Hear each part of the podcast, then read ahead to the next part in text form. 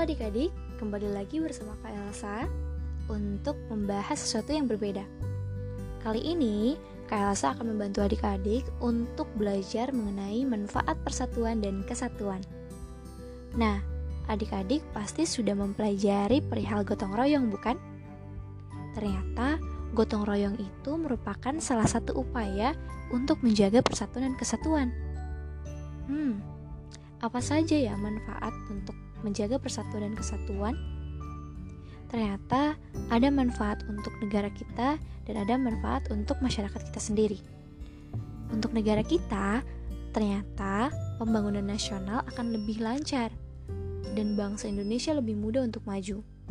Hal ini dapat mempermudah untuk mencapai tujuan nasional, serta menciptakan suasana yang aman, damai, dan tentram dalam negara.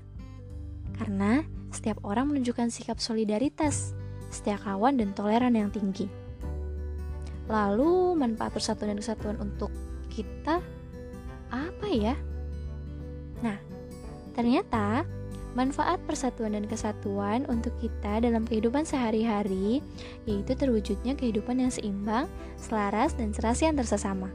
Selain itu, pelaksanaan gotong royong akan berjalan lancar dan baik pun bisa bekerja sama dan saling tolong-menolong di kehidupan sehari-hari, menjaga kerukunan dan menjaga silaturahmi.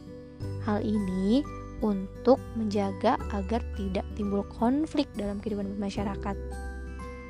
Tentunya juga bisa menghindari pertengkaran dan permusuhan, supaya bisa saling bahu-membahu saat ada kerja bakti atau gotong royong.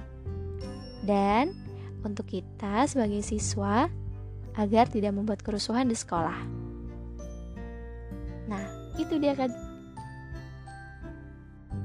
Sampai jumpa kembali ya. Semoga manfaat persatuan dan kesatuan ini bisa adik-adik rasakan.